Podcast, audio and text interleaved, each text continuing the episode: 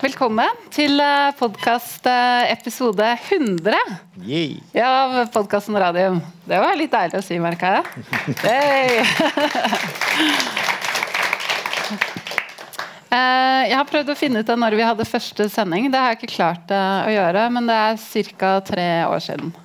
Ja, cirka. Desember eller januar. Um, og jeg husker veldig godt da jeg kom inn på kontoret til eh, Jonas og sa at uh, vi skal ha podkast. Og da sa du Så fint, sa jeg. Men hva er en podkast? Og det er så herlig med å jobbe med Jonas, for det er aldri, aldri noe nei.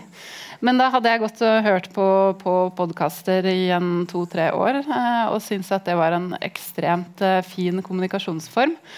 Jeg hadde også sittet og prøvd å um, forstå pressemeldinger fra en del av disse selskapene og prøve å skrive de på en god måte. Eh, uten å lykkes i det hele tatt. Uh, så da tenkte jeg at ok, da må vi prøve noe annet.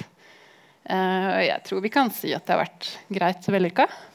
Ja, altså det er jo Når det kommer nyheter fra selskapene, enten det er i form, form av, av børsmeldinger om nye kliniske data eller, eller regulatoriske ting, så er det fryktelig vanskelig å skrive en sånn pressemelding og en børsmelding som skal inneholde det, det nødvendige av informasjonsmaterialet. Og så skal du si fra selskapets side litt om hva du mener om det, men du kan jo ikke hause opp noe som du ikke kan si. Og vi bruker jo masse sånn tåkeprat med clinical science of efficacy og oppløftende Og resultater og, og, og faguttrykk. Så vi har liksom prøvd å bruke det podkasten til å prøve å oversette litt av dette. da. Ja. Vi, vi prøver. Eh, er det noen av dere som ikke har hørt på podkasten? Det er lov å ha på en hånd, altså. Det, Er en synder i det er et par, et par stykker. Ja, men det er bra. Da har vi noen nye lyttere i dag òg. Eh, vi pleier å ha en fast spalte som vi starter med som heter 'Aktuelt skjedd siden sist'. Men siden det er episode 100, så tillater vi oss at den utgår. Eh, da vi i hvert fall har med oss to av selskapene som skal snakke med oss i dag. Og de har presentert sine Q3-tall i dag. Eh, og så har, har sikkert en del av dere som følger med i den sfæren her, eh, sett at uh, Vaxibody har kommet med gode kliniske data. Eh, og Agnete kommer i studio neste onsdag, så da får vi høre mer om det da. Men da tror jeg skal vi bare gyve løs. Vi gjør det. Ja, da er det It's very nice to welcome Daniel Schneider from uh, Photocure. Welcome up on stage. Ja, vi sitter her. Great to have you back. Yeah, Last time was in the studio. Yes, thank you. now you. you're on the stage. Yeah, Yeah, this is how we roll. under the lights. Yeah. Exciting.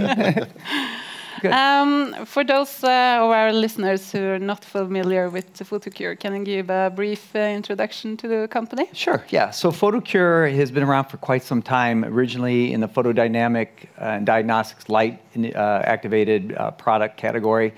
Had many great discoveries, uh, but we've now narrowed it to really one primary product that we now sell commercially, which is Hexvix in Europe and Cysview in uh, the US. It is a diagnostic and surgical guidance tool, so to speak, for bladder cancer. And uh, it's called blue light cystoscopy, and it has dramatic uh, impact on patients and patient care uh, in bladder cancer.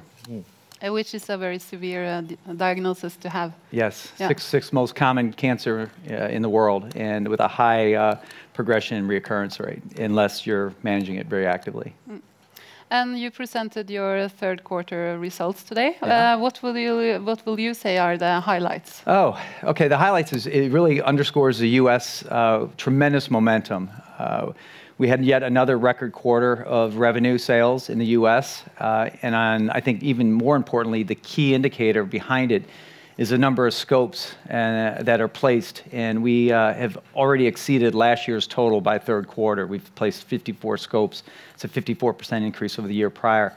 And that's fantastic because the scopes are really the indicator of the kits or the, the patients can be treated later. The way the product works is you, you install the scope, and, and that can be Carl Storz's equipment, Olympus's equipment, or Wolf. And then it's Sysview, the product that is used in conjunction with that device to surveillance and help physicians guide through their surgical resections. Hmm. So that getting more and more, tho- more of those placed in more and more accounts opens you up to more and more patients.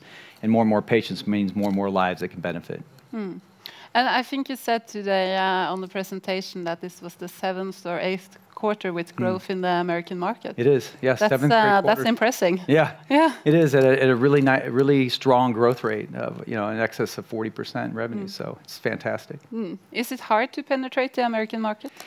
It's complicated. Uh, it can be very complicated. It's, uh, the health systems are not easily digestible. In fact, after today's uh, uh, quarterly release, we did meet with one of the banks, and they asked for a tutorial on uh, reimbursement in the U.S. Which, if you really wanted to go through the U.S. health systems reimbursement, it would take me about two weeks, 24/7, to explain it all. But in, in a nutshell, it can be fairly complicated. But there are certain essential things that you have to do in the in the system, and and one of the things you can never forget if you come into the U.S. is reimbursement and access is absolutely the key to everything, and it, it requires ongoing pressure on uh, the regulatory authorities like uh, FDA and CMS, which is CMS is the public uh, Medicaid public health system, basically for um, well for us in the case of Medicare patients, senior citizens, uh, and also the private uh, sector as well. So you have to be on it, or reimburses reimbursements could go the opposite direction.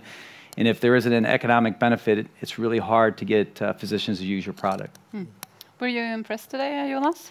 Yeah, actually, I was, uh, and there was a couple of things that uh, that came to me, and and uh, one of them was that uh, you know say that uh, after the patient for the first time has got his uh, blue light cystoscopy, then he should have that every time he's examined later on, uh, as long as he's been followed up, and that's for the rest of the lives. Yes. this? Yeah. Yeah, and that's uh, for the high risk and the mediate, moderate risk Yeah. patients. Uh, certainly, uh, once a physician diagnoses or believes there's a cancer or tumor in the bladder, that very first scheduled uh, TURB, or you know, uh, surgery in the OR should be under blue light because it's going to allow you to do a better uh, job of seeing all of it and grading it appropriately, and then determining the the proper treatment protocol going forward and surveillance. And then if you're high risk or moderate risk, there's a really good chance that you're going to get uh, cancer again, and, and you want to be able to see it all. Yeah. Yeah. So it, it is uh, maybe not the right way to talk about cancer patients, but but but anyway. So what you get is actually a customer coming back. So Mm-hmm. uh, when when you're selling things, you always want the customers to come back and buy buy the same product again and again, and you actually will get that. That's And absolutely. so, so you you will will be like it's not like the patient has come into this. Got his first operation and the follow up, and then you sort of loses the patient as a customer. So then you will build your customer base all the way. That is right. Yeah. In, fa- in fact, uh, I don't know if you recall from a few quarters ago, we released some uh, important data that was done on a patient survey through Beacon, which is a patient advocacy group in the U.S., and we had a 99% uh, scoring of patients who've received blue light who would come back and ask for it again. It's that important to them, and I can you can only imagine why it sees more, and uh, it, that's the name of the game. Absolutely. And uh, this July, you had uh, uh, had a press release that uh, Photocure had li licensed out Severa to a, a Chinese uh, company, Asieris Meditech. And I, uh, for us, I mean, we know uh, the inventor, Björn Klem, who's uh, head of the incubator. uh, and we were like, wow, Severa. We were thought that was uh, deep down in the Yeah. shelf uh, somewhere. Yeah. so congratulations on that deal. Thank you. Yeah. Uh, can you tell us a bit more about that deal and what Yeah. it means to to Photocure Yeah, I think, company? well, number one, what it means to Photocure, the company, is that, I think I'm losing my headset a little bit, apologize. Um, what it means to Photocure, the company, is, is we are focused in the bladder cancer area. That is what we want to, that's what we aspire to be. Our mission is to bring better technologies and better products in the bladder cancer treatment. Survivor wasn't core to our future mission, yet is a fantastic product. Uh, it has a very, uh, very much meets a very needed unmet medical need uh, in the treatment of cervical cancer or pre-cervical cancer. The problem was it's a drug device combination that can get a little bit complicated for, ma- you know, for drug manufacturers or for device manufacturers. Where does the product kind of fit? Um, in the case, in this situation, uh, we came across a company in search and working and finding. We had a couple companies in the Cirrus uh, was the one that we felt was most passionate about. And when I say passionate, they are extremely passionate about bringing this product to life. Uh, the pathway they've determined is through China first and then the US. So looking for a submission in 20, 2023 with hopefully approval in China in 24 and a submission in the US in 25, in Europe, and then an approval in 26. Uh, it's, you know, it's got through its phase, phase twos. Uh, they're determining with the FDA whether they need to move forward they can move forward with phase three, or can they, or do they have to repeat any part of phase two? But it is a, a fantastic deal for us. It's backloaded from a royalty and uh, payment structure, and you'd expect that. Uh, there's a lot of developmental risk, so we're getting some milestones along the way. You know, whether it's the um, filing of the Chinese uh, trial uh, application or you know the pay, uh, uh, the dosing of the first patient.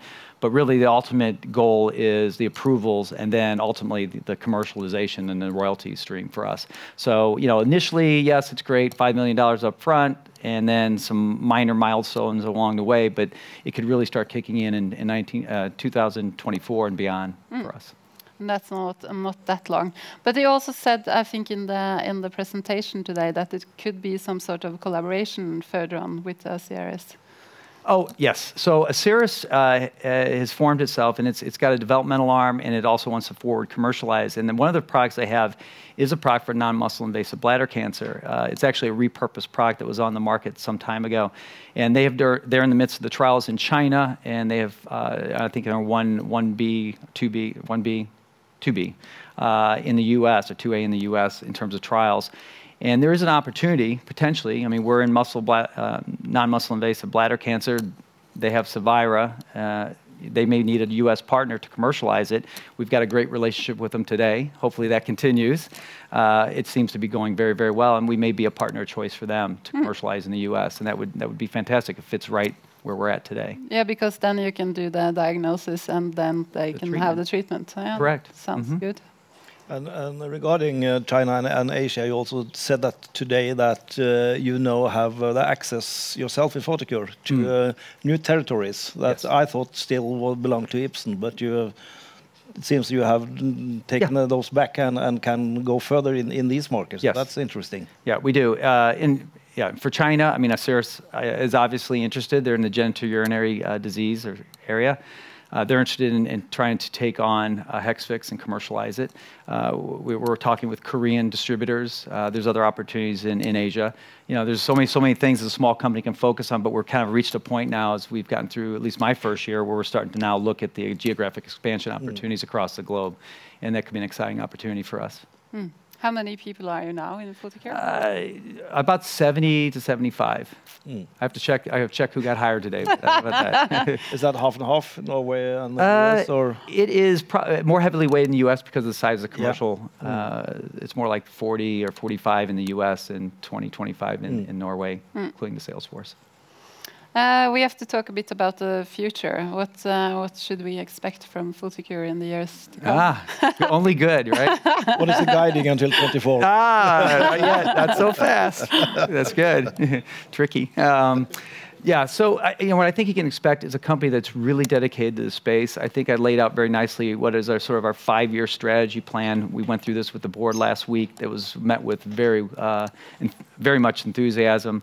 Uh, you know, right now it's a here and now. Focus on Hexvix and Cysview and drive the commercialization of that product and really maximize the assets.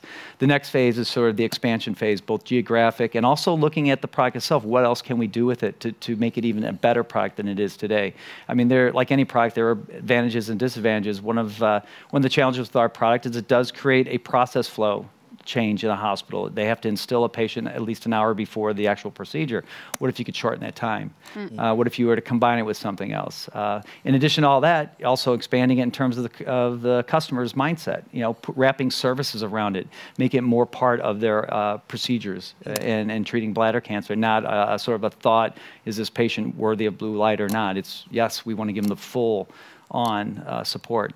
And then we move to the acquire and then hopefully the transformative stage. The acquire stage is more of looking at assets that sort of bolt on to what we have in the same space we're on, in, the same space we're in with the same doctors we're working with. And then transformative takes us even further, which is, you know, are there near-term uh, or late-term development projects or near-term commercialization uh, products that we can bring into the fold and, and really start developing a, a, full bladder cancer company with multiple products um, or, or, at least products that fall within the urologic or urologic oncologic space. So in, in, in, that time frame, you're also talking about uh, really being the bladder cancer company mm. with also within the treatment. Yes. Uh, and when we talk about treatment, we have to have some comments on the, this uh, rat data from uh, the rat data. The rat data okay. from, from yeah. the preclinical data for. Uh, yeah. So it's, it's, long, it's long been talked about, and there's a paper out there by Dr. Gakis that talks about the potential of a therapeutic effect for uh, Hexvix Cysview. Uh, right now, it's a diagnostic. It's, it's used for better visualization. But there's, there's been this feeling that there's something else going on with Hexvix in particular, because it doesn't happen in the, in the base compound 5-ALA. It, you don't get that same effect. But with hexaminolevulinate, you do. So there's something going on. And, and things such as, uh, you know, when it's been administered before they extract the, the bladder, the reoccurrence rates afterwards uh, seem to go down. And it doesn't really make a lot of sense unless the product's been doing something. So when I came into the organization, uh, th- there was a change the year prior with sort of what programs would move forward, which ones we wouldn't. Put a halt, and we put really all the focus on commercialization. But very quickly, we got the commercialization piece underway, and you can kind of look out onto the horizon. And we, you know, it was made aware to me that this this product may have this, and here's some things we could do. And you know, we have some IP, and you know, what what if we were to do you know this rat study? And I said, well, what's preventing us? Let's do it. Let's see what it is. It's very very low amount of money to do it, and it might just begin. Uh, showing us things that would then uh, lead us down to maybe a different decision down the down the road, and that's in fact what it does. And and and, and what we believe it potentially has is both immunologic and therapeutic effect on, on the bladder cancer. It has a, a sort of a, a, a, dual effect there along with the diagnostics. So this could be a big deal. If you're talking about bladder cancer and you're talking about white light cystoscopy without Hexvix, and Hexvix comes with a therapeutic immunologic benefit as well as diagnostic, better, much better diagnostic, it seems like a no-brainer mm. in every patient. Mm. But long ways to go. Yeah. Many things have to go right your way, but it's exciting to at least embark on this journey. And I, I think the other part of this, if, for anyone in this in this space, is no one knows your own products better than yourself. And it's very easy to get excited about buying something else. But when you got to look inside yourself and you ask the question, what else can our product do? What can we make it? How can we make it better? It, it comes clear. And it's an opportunity and an easier path sometimes. So we're going to pursue. Uh, how, how did you find out about this? Was it uh, reactions from doctors who have been treating patients? Or? No, it was the staff. It was, it was my staff. executive team. Yeah. Mm. And as I met with each of them the first time, we yeah. talked about different things. And then I said, you know, what else does the product have? You know, is there any ways to improve it? And then it, it was born out of that. Okay. And then they brought up the fact they were talking about a rat study and this is what they would do. And I said, move forward. Let's mm. see. Uh, you know, right now it's just a poster. It was presented at Bladder. There was interest. Uh, in fact, there were some doctors that went as far as asking, you know, how do I dose it? You know, so they, yeah, yeah. they've jumped to a conclusion that you wouldn't expect, maybe. But um, you know, look for that uh, to publish uh, in the first half of next year. Hmm and that I think that'll be very interesting to a lot of individuals, and and, and just opens up more questions as most science does. Yeah. Hmm. I, I, would really believe it will be uh, interest from uh, from the key opinion leaders uh, to do some inve investigative-driven studies. It is, mm. and it is, and, and, bladder cancer. If you think about all the different cancers out there, it's one of the, the the, last that has really been focused on, and only in the last few years has it been a, a more increased focus. We know there's a worldwide BCG shortage, which is really the mainstay in bladder cancer treatment for non-muscle invasive and, uh, and, and there's really nothing else. And so having something else exciting in this space, mm. it'll get the buzz. And that's mm. what we intend to, intend to create around the bladder cancer yeah. company. Was uh, one figure to, today that uh, that struck me. That's um, the, you were talking about the cancer in situ and yeah. uh, the recurrence rate there. Mm. Uh, I thought that was pretty interesting. It is. If you make that connection, when you look at the, the progression and uh, you know on what in, uh, uh, carcinoma in situ comes with, with up to 50% progression, and then you look at what blue light does in terms of diagnosis and what it finds, you know, to find out that 35% of the patients who have carcinoma in situ weren't found under white light that means over one third of the people have walked out of that doctor's office believing they're cancer free, only to find out they get the most insidious cancer of them all mm. that has the highest progression rate. And that to me tells me that there is an absolute must for blue light cystoscopy. Mm. Yeah, that's very severe. Yeah. Absolutely. Uh, what about the European and Scandinavian market? We haven't talked uh, about that. Yeah, we haven't talked about it. Uh, okay, so we'll go to European first. Uh, I've made, uh, I've not been shy about saying that we are unhappy with our partners' uh, performance, and we put a lot of pressure on them in mm. all the ways you can think. Uh, another company can put pressure on another company, and they've responded. And we had a nice, I believe, it was six percent growth this quarter, and on the year they're ahead of, of prior year and even above their what projected budget was. So we're, we're pleased with their response. It's still not 100% where we want it to be. There are, you know, very important countries that they have more or less walked away from, like the UK, uh, parts of Benelux, um, Italy, even France. But you know, Germany is the mainstay of their business. But we think there's other opportunities in Europe, uh, and so we're pressuring them to do so. In the Nordics, we've had some challenges uh, over of late, and we've put a lot of programs in and and uh, uh, services and things in place in the last four or five months, and we hope that that will start reaping and getting us back on a, on a, on a more appropriate trajectory of at least single-digit growth in the countries of the Nordics. Um, so that's yeah. What about Canada? Something happening there? Uh, we, we have a partner in Canada with. Biosyn, yeah, Yeah. Uh, and they keep working on it. You got to you got to work through the uh, the various um, you know uh, local healthcare. Um, um, the escapes me the exact name. I apologize. Okay. Long week, but. Uh, It'll come to me after the fact, no doubt. But you have to work with the locals and, and get the right budgeting to have this. So, but they're making progress, and we're pleased with it. They've, they've been a very good partner. They're very enthusiastic. They're very determined to make a success in Canada. Hmm. Good. But uh, here in Norway, are you fully reimbursed yet?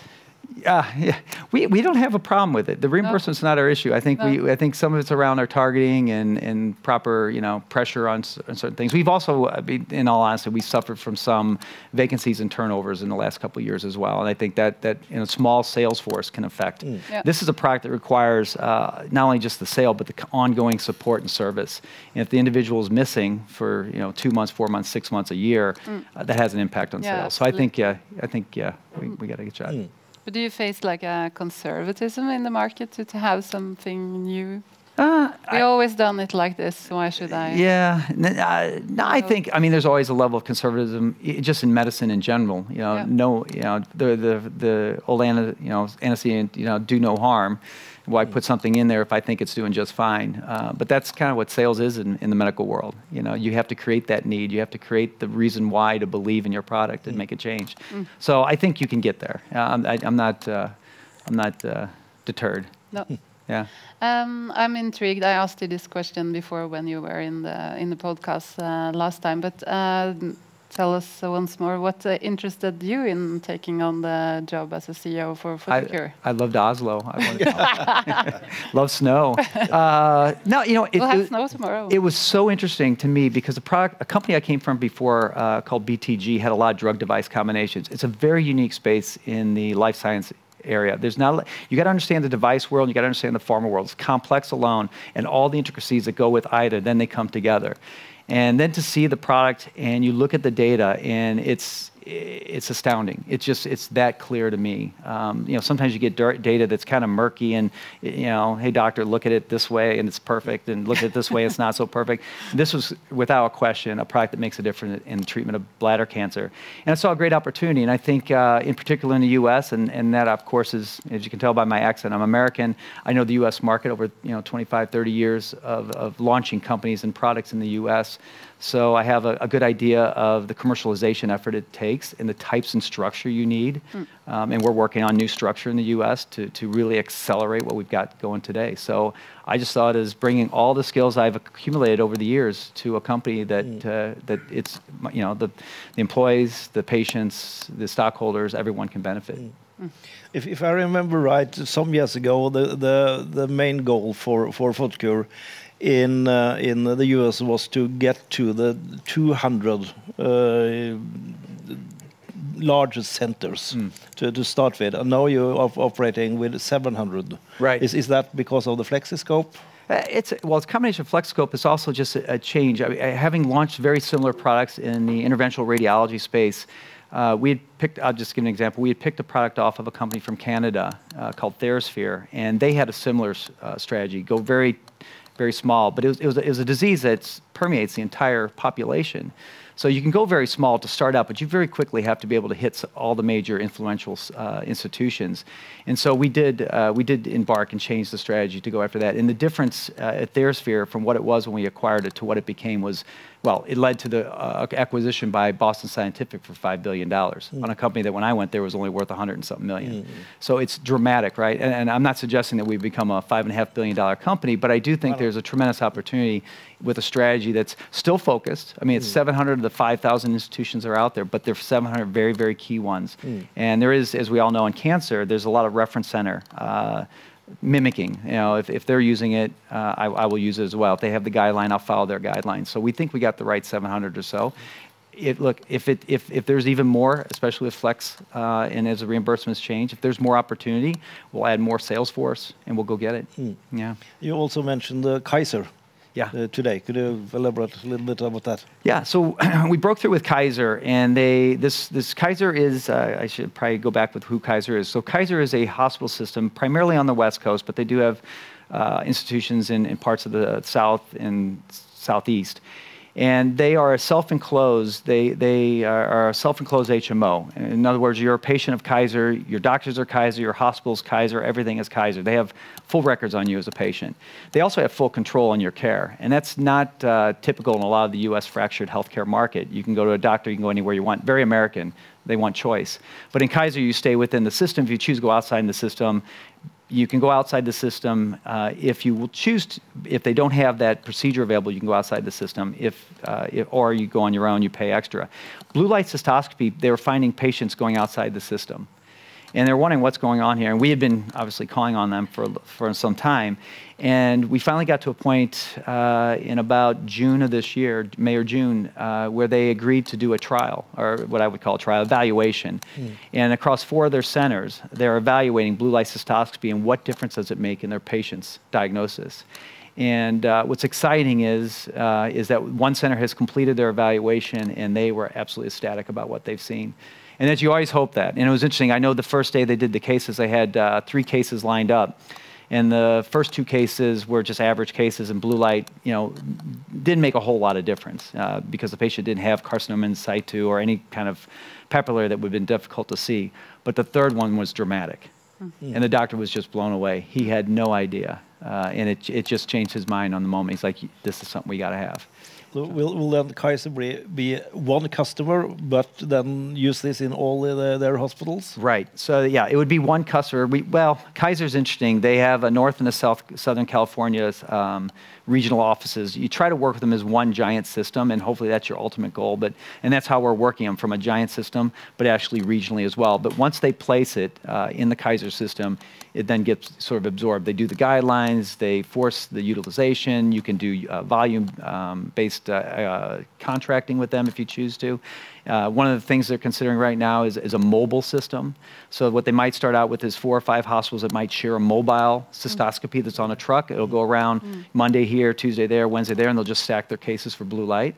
But then at some point, the utilization gets too much, and they don't have the capacity, and they say, you know what, we're going to put cystoscopy here and here, keep the mobile system running between these three. So it's exciting, uh, and, and they're, to think that they're thinking actively, you know, about how they would do this.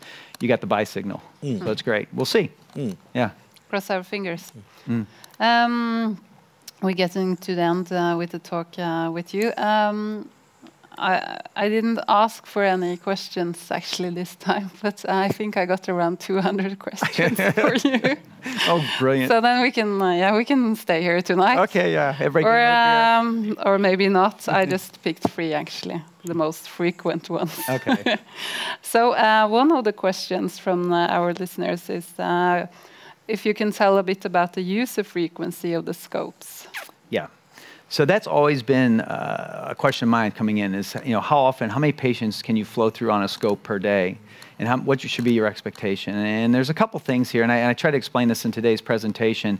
You, you just can't go with uh, uh, patients per, per scope and, and call it a, a necessarily a KPI in itself. You almost have to time uh, stamp it a little bit. When a hospital comes up to speed initially, they're not going to have 400 patients going through. They're going to start with a few, and it's going to grow over time. Um, at some point, that cystoscope is going to reach capacity, and you're going to buy a second cystoscope. Well, say you were doing 10 patients on one cystoscope, and the 11th one comes in. You say, "Yup, we need another cystoscope." You get two. Now it looks like your utilization has gone down, but in fact, that's actually a good thing. You've created capacity. So it's a, it's a, it's a, it's an interesting thing. We do look at it. Uh, the things we're looking at is the usage, uh, the buying patterns of the institutions. We identified about 20 institutions that, for whatever reason, have erratic buying patterns, which tells us there's something broken in the process. There's no reason why there shouldn't be a constant patient flow. So those are the things that I think are even more interesting. Uh, the other thing is, is every institution has different number of patients that can be treated. So the utilization of one cystoscope in a very large hospital would be quite a lot larger than maybe a smaller one, but relative to the institution itself and the patients it treats, they may actually be at capacity. So but we look at that and we continue to look at ways to look at our data and, and get key indicators and identify opportunities. Uh, next uh, questions uh, about uh, upgrade to grade A in the guidelines. I think this is about reimbursement. Yeah, well, Yeah. it's, about guidelines. It's, it's uh, the AUA guidelines gives ratings uh, on, uh, on their guidelines. Well, first of all, to get in the guidelines is, is really a big plus. And then there's uh, ratings based on the, the data that's used to get there. And today I explained this in the quarterly presentation because the question came up there as well. Is the AUA gives you ratings on your da- uh, recommendations. A being you should, you must, or you should be using this product. B is uh, you should use it if it's available. And I'm simplifying this a little bit. C is uh, it doesn't really have perfect data, but you might consider it, and you know it goes on down from there. What's interesting is all, in all cases, 38 uh, guidelines on non-muscle invasive, non-muscle invasive bladder cancer, all 38 are B or below. So no one has an A rating. Um, and so quite frankly, we're actually in a very good place. In fact, uh, narrowband imaging, which is, which is a pseudo competitor, I, I consider it more of a competitor of white light than, than blue light, it has a C rating. So we're actually, in, in a, I think, in a very good place. To get an A rating uh, to a sort of a must-have, I think there's a couple complications for us. One in the U.S. is that we're tied to one manufacturer, Carl Storrs, and they have a, probably a market um, um, penetration of about 25 to 30 percent. That means 70 percent of the institutions out there use Olympus or Wolf. So to say you must have it, you're then telling every institution they have to go out and spend $125,000 or more to buy this equipment, and that's really tough to do. The second thing is, is to get to an A rating, it's got to be dramatic. And to tell a physician that you must have to use it, I mean, even, even with an A rating, I think we all know the art of medicine, physicians will make a decision, the right decision for a patient, individual patient. Um, so to get to that level, we probably would have to do yet another trial, and it's not worth, the return would not be worth uh, what, what you'd get out of that. I think we're in a very good place. I think proper commercialization, communication, and medical information is, is really a much more powerful way to go. Yeah. Uh, the last question I think we already touched about was the medical effect of Cysview. Yeah, Yeah. yeah. That's the, that's a that's a shiny new thing out in the future. we'll see. Yeah. um, it is exciting. And you talk about an A rating. I mean, you know, if you got a a product that does diagnostic and a therapeutic and immunologic effect, that one might qualify it Yeah. for the A rating. But Yeah. hey, we're a long ways away. Lots of decisions, lots of things have to go right to get there. So we're excited about it. As, as we are among other things. It's not the only project we have going, but this one uh, we thought we'd share with everyone today. Yeah. Thank you. Great. Great All to have you back. Great. Thank you. All right. Thanks, Ad. Thank you very much. Da skal vi gå over til eh, morsmålet vårt, hvor vi snakker litt bedre. Eh, og det er veldig hyggelig å invitere opp Torbjørn Furuseth, som er eh, finansdirektør i Taugavax. Hei, Hei. takk. Jeg må Setter si pris, eh, setter pris på at vi kan ta det på norsk. Det har vært litt som hopp etter virkelig her og snakke engelsk. Du kan få inn, få inn så mye informasjon eh, på så kort tid, si. Ja. Ja. Eh, men vi må si velkommen tilbake i podkasten, for du har også vært med, vært med oss tidligere. ja. Um, Targovax, for de av lytterne som ikke kjenner selskapet så godt, hvordan vil du pitche det? Ja, vi er jo et selskap som går innenfor immunterapi, og mer spesifikt på immunaktivatorer. Og mm, kreftmedisin og behandlinga har jo blitt revolusjonert eh, med den nye immunterapien som har kommet. Og den endringen har jo vært leda av sjekkpunkthemmerne. Eh, Og nå er det jo tusenvis av pasienter som blir kurert, og det er nå blitt et marked på over 20 milliarder dollar. Men på tross av den suksessen her, så er det bare 10-40% som responderer på de sjekkpunkthemmerne. Eh, Og i mange indikasjoner også så er det mindre responsrate enn det.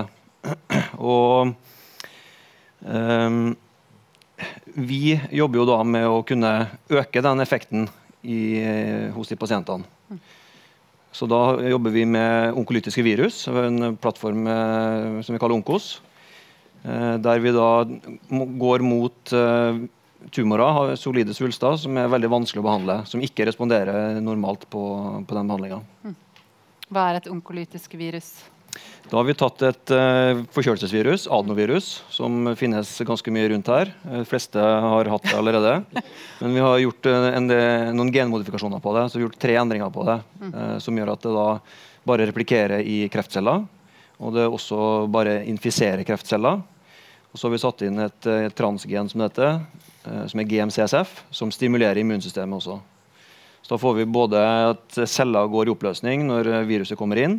Vi får produsert eh, GMCSF, som trigger da, eh, en generell immunrespons. Får de, dendrittcellene inn i, i svulsten og frakter antigenet til lymfeknuten. Hvor man da kan lage eh, de spesifikke antigenspesifikke T-cellene som kan angripe kreftsvulsten. Og når du da har lagd de T-cellene som du trenger, kombinert da med sjekkpunkthemmer som kan muliggjøre celledrapet, så er det en veldig interessant kombinasjon som, som ikke bare vi syns er interessant. Da. Det er jo der man tror det store håpet er for, eh, for pasienter og for onkolytiske virus som en mm. gruppe legemidler. Men dere er vel en av de ledende i form av uh, innenfor hele immunterapifeltet som holder på med Ja, med onkolytiske virus så er vi virus. Vårt uh, Onkos 102 er jo um, en av de virusene som er utvikla lengst i klinikken. Mm. Det er ett virus som allerede er i markedet, som heter Tivec, eller Imlygic. Mm. Um, men utover det så ligger vi helt der fremme på Vi har behandla over 180 pasienter. Og vi kjører nå fire studier som pågår med, med Onkos 102. Mm. Så det, vi har kommet veldig langt i sammenligna med andre virus. Og så er det akkurat åpna studie i Oslo også? Ja. Mm. Det er jo den uh, melanomstudien vår som vi tidligere har kjørt uh, i USA. Uh, ut fra Memorial Stone Kettering i New York, som har vært hovedsenteret. Og så har vi to andre senter også på østkysten. der er det jo veldig, vi er veldig stolte av å kunne være der, fordi det er jo der også um, Ipilimumab, eller Jervoi, ble utvikla hovedsakelig på, fra det sykehuset med Jedvoldsjokk. Så det å kunne være i det miljøet der er veldig viktig for oss, og en, en, en status for produktet. sånn sett.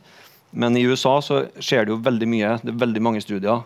Så når pasientene kommer av måte, standardbehandlingen, så er det mange studier å velge i. Eh, I Norge er det motsatt. Der er det ingen studier å velge i. Så det at vi kunne åpne Oslo nå, er jo moro å kunne bidra også på hjemmebane og tilby den behandlinga for norske pasienter. Mm. Men eh, det er også da en mulighet for oss å øke rekrutteringa i studien. Mm. Ja, Det er jo kjempeviktig. Vi snakker jo masse om uh, kliniske studier og jobber masse med det. Vi vil jo ha flere til Norge, sånn at man faktisk har, kan mm. velge. Ikke at det er en av de heldige få som får muligheten. Nettopp. og det, så det, det, gjøres jo mye nå å tilrettelegge bedre. Eh, men jeg tror nok man kan gjøre enda mye mer også i Norge for å sikre at man får eh, mm. altså tilrettelegge for kliniske studier. Gjøre det enkelt både å få regulatoriske godkjenninger og all den si, logistikken og praktikalitetene rundt på sykehuset. Og, og kunne tiltrekke seg kliniske studier til Norge. Det tror jeg vil gagne pasientene mye. Mm. Ja, jeg synes Det er kjempe, kjempepositivt at dere har uh, eh, åpna opp nå i, i Oslo opp ved, ved Radiumhospitalet, som vi jo vet har en velfungerende uh, utprøvingsenhet som har vært der i veldig mange år. Mm. Uh, men det som også er positivt, og som vi prøver å få spredd til, til disse selskapene også nå, er at uh, vi har flere sykehus, eh, spesielt her på Østlandet, mm. som eh, Kalnes i Østfold, eh, Vestre Viken i, i, Drammen, Ahus, hvor de bygger opp sine utprøvingsenheter nå. Så forhåpentligvis så blir det litt sånn at hvis du åpner Ramsdal, så kan du automatisk åpne opp de sykehusene også om, mm. om ikke så altfor lang tid. og det vil gjøre det enda mer attraktivt forhåpentligvis da, ja. for selskaper som dere å, å satse på å også ha, ha sites i Norge. Helt klart. Ja, det høres veldig bra ut. Men dere la jo også frem uh, deres uh, tredje kvartalsrapport uh, i dag. Mm. Hva er høydepunktene? Høydepunktet fra tredje kvartal er jo helt klart de resultatene vi fikk i melanom. De er jo publisert tidligere, sånn sett, men det er jo det store høydepunktet i tredje kvartal. Der behandler vi jo da eh, pasienter som ikke har respondert, eller har slutta å respondere på de sjekkpunkthemmerne. Så det er da refraktære, altså immune egentlig, mot immunterapi. Eh, så tar vi det inn i studien. Altså De kommer inn med forverring. Vi gir dem tre injeksjoner med viruset vårt over ei uke. Eh, og Da klarte vi å snu tre av ni pasienter til å respondere. Og En av de pasientene var også en komplett respons. ble da helt fri for kreften. Så i den pasientgruppa der er det eh, veldig sterke resultat. Mm. Andre, andre ting? Uh, jeg bare for, for, uh, si, bygge litt videre på det også. Så, så, er vi jo da på basis av det også utvalgt nå til å ha en uh, oral presentation på ja. SITSI. Det er til helgen, er ikke det? Det er til helga, helga ja. Så den, den, går på lørdag ettermiddag, amerikansk tid. Mm. Men det er jo også en veldig anerkjennelse av hvor, hvor gode de dataene er. Mm. ellers så Det vi også har gjort i studien, eller i, i kvartalet, er at vi har fullført eh, safety lead-in i den studien vi kjører på peritoneal karsinomatose. Altså der, På eh, norsk. ja, altså det er jo da eggstokkreft og, og en, tjukk- endetarmskreft endetarmskreft som sprer seg til bukhinna. Eh, Og der er det veldig dårlig behandlingsalternativ eh, i dag. Eh, så der har vi fått blitt med i et ganske eksklusivt selskap eh, sammen med mm, -hmm. AstraZeneca. Eh, og studien kjøres av, eh, eller eh, finansieres hovedsakelig av Cancer Research Institute. Og den kjøres da i, i veldig anerkjente sykehus på østkysten i USA. Eh, Så det, vi, det som vi da fikk gjort i, i løpet av tredje kvartal, var at um, safety lead-in var konkludert. Ingen issues, og vi kan gå med høyeste dose inn i expansion phase. Uh, så da den rekrutterer da også godt der. Og da kommer, Du sa noe om det i dag, både på, fordi melanomstudien er jo det er veldig spennende, de, de dataene. Og den neste fasen dere kjører der nå, er jo med atskillig mer eh, med mengde med, med onkolytisk virus Ja. og over, over eh, lengre tid. Eh, så de resultatene Jeg tror Øystein sa i dag at hvis vi kunne på en måte få de samme resultater, eller i hvert fall over 25% i disse pasientene som jo ikke har noen annen form for behandling, så ville dere se på det som en suksess. Ja, ja, over 25% er veldig bra hvis du sammenligner med det, det er jo, Innenfor melanom er jo et veldig kompetitivt eh, område. Det Eh, Ja, det er en relativt liten indikasjon. Eh, 1 av alle kreftdødsfall er fra, fra melanom. Um, så, så sånn sett er det høy konkurranse, men det er også en viktig sånn benchmarking-arena for å sammenligne seg med de andre. Og det er jo nettopp der også vi kommer veldig godt ut med de eh, tre av ni.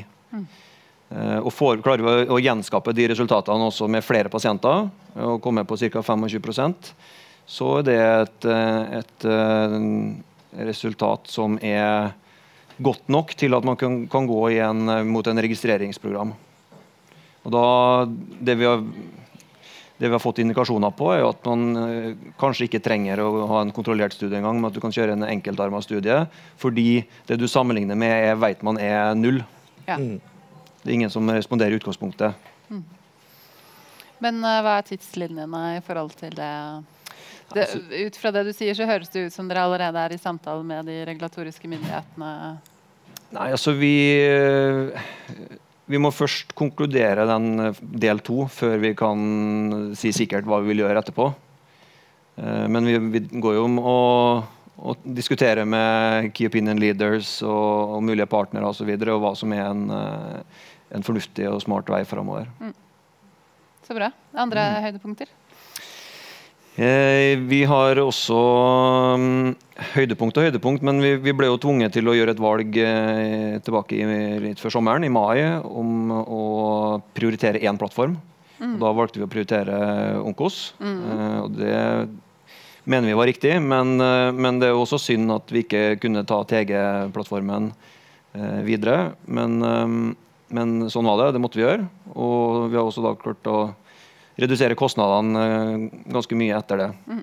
Men betyr det at dere ikke har noen, noen utvikling i, i, eh, av den TG-plattformen? Dere hadde kommet veldig langt i utviklingen i forhold til behandling av bukspytt, eh, kjertelkreft. Ja, ja. Så, vi sto på en måte ved hadde ikke dere noen avtaler i USA også, hvor det var snakk om at det kanskje ikke nødvendigvis var så mye kostnader for Targovax, men at Ja.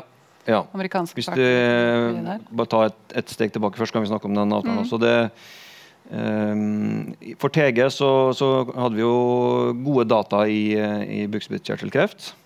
Eh, men så hadde det skjedd også litt i, i behandlingslandskapet mens vi gjorde studien, som gjorde at neste steg ble mye vanskeligere og dyrere enn det vi eh, hadde sett for oss.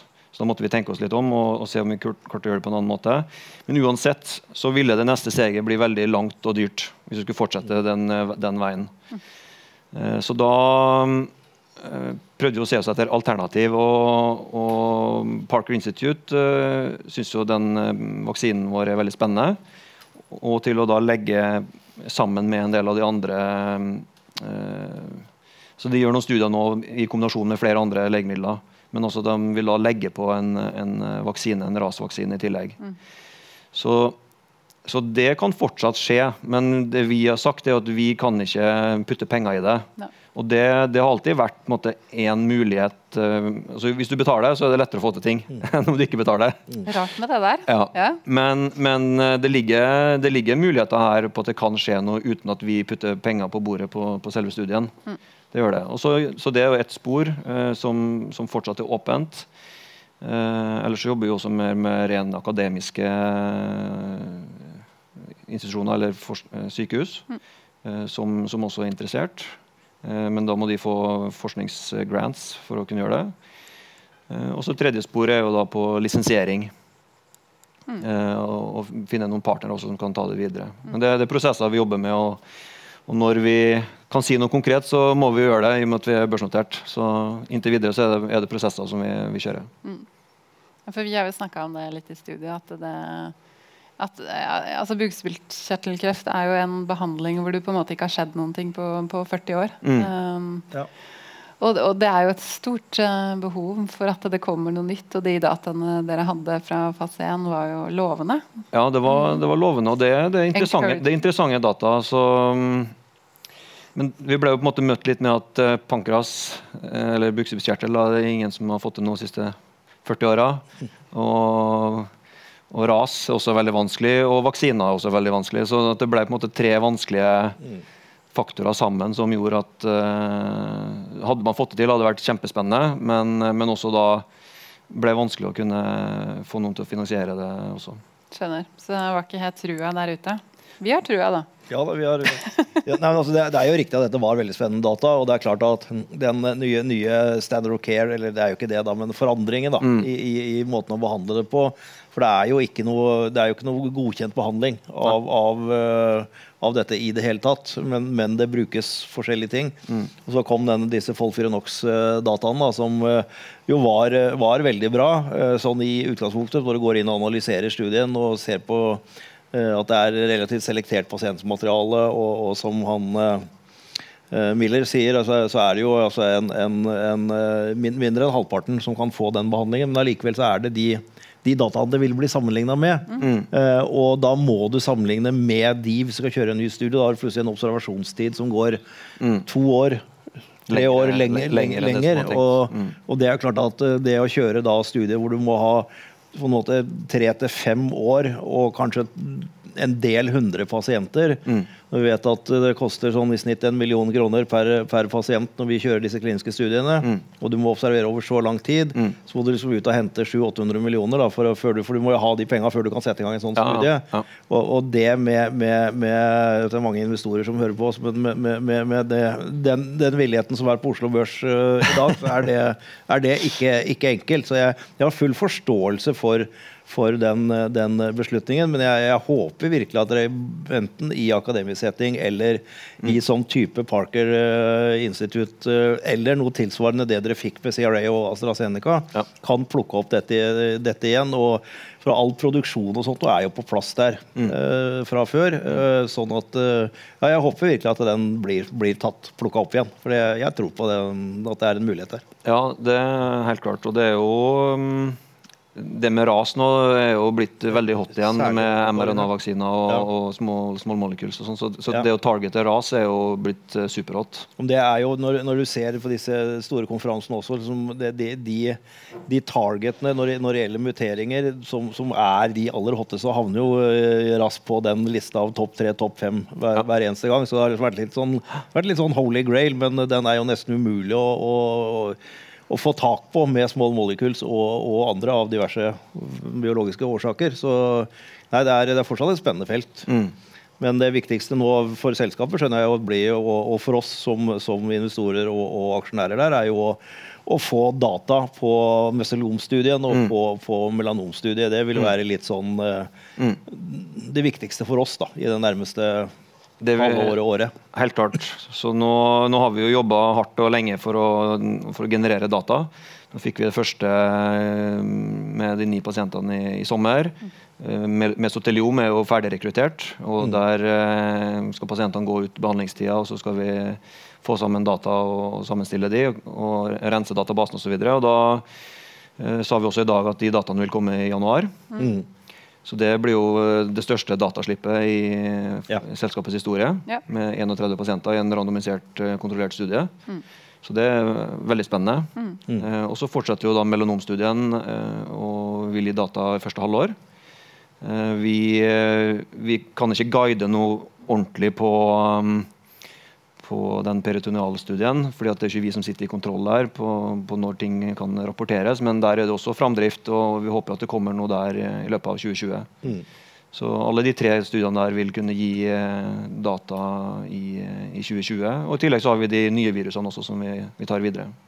Ja, det, Kan du ikke si litt om det? fordi at eh, det Øystein sa der, at vi bør ikke gå inn sånn i detalj på doble transgenere og alt det, dette, det som jeg så vidt skjønner noe av, men, men Er det er, det, er, det er jo en ny generasjon. Ja. eh, og det er to ting. Det ene er at dere viser at denne første generasjonen faktisk virker med de kliniske dataene som kommer, og, og spesielt i meselonstudien, hvis det er gode data, så er det jo en, kanskje en relativt kort vei til en mulig, mulig eh, registreringsstudie på det. Mm.